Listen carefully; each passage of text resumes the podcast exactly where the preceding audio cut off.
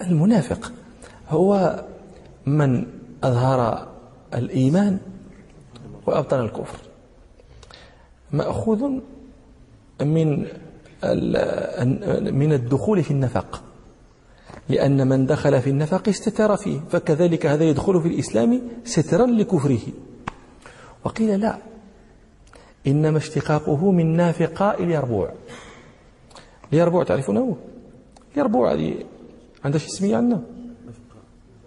اليربوع اليربوع. اليربوع عرفتيه؟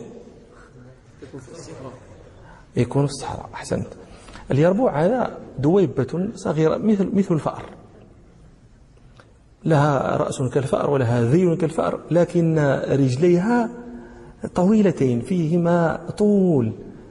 هذه تسمى اليربوع المصريون يقولون الجربوع لأنهم يشتمون بها القربوع هو هذاك الفار بحال نقول بصير الطب ولا الفار. هذا اليربوع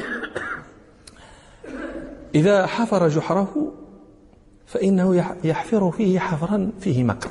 ماذا يفعل؟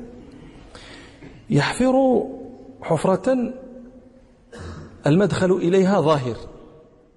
وهذه وهذا المدخل الظاهر تسميه العرب القاصعاء. ثم إذا حفر خلص إلى الجهة جهة أخرى. فحفر فيحفر يحفر إلى أن يبقي قشرة رقيقة من من الأرض. هذه القشرة الناظر إليها يحسبها كغيرها من سطح الأرض لأنه ولكنها هي قشرة رقيقة. فماذا يفعل هو هذا هذا النافق هذا اليربوع؟ هذه هذه الجهة ال ال التي يكتمها التي يكتم المنفذ منها تسميها العرب النافقاء.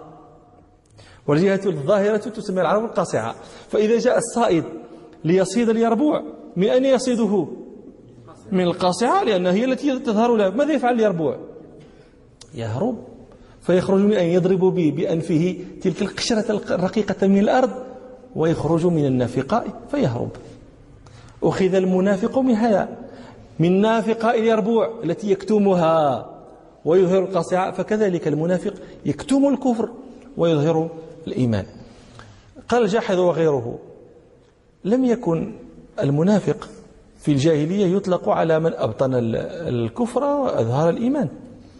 لكن الباري سبحانه وتعالى اشتق له هذا الاسم من هذا الأصل من نافق اليربوع. لماذا؟ قال لأنه لما أظهر الإيمان وأبطن الكفر وورى بالشيء عن الشيء ودخل في المكر والخديعة وأوهم الغير بغير بضد ما هو عليه أشبه في هذا الفعل. اليربوع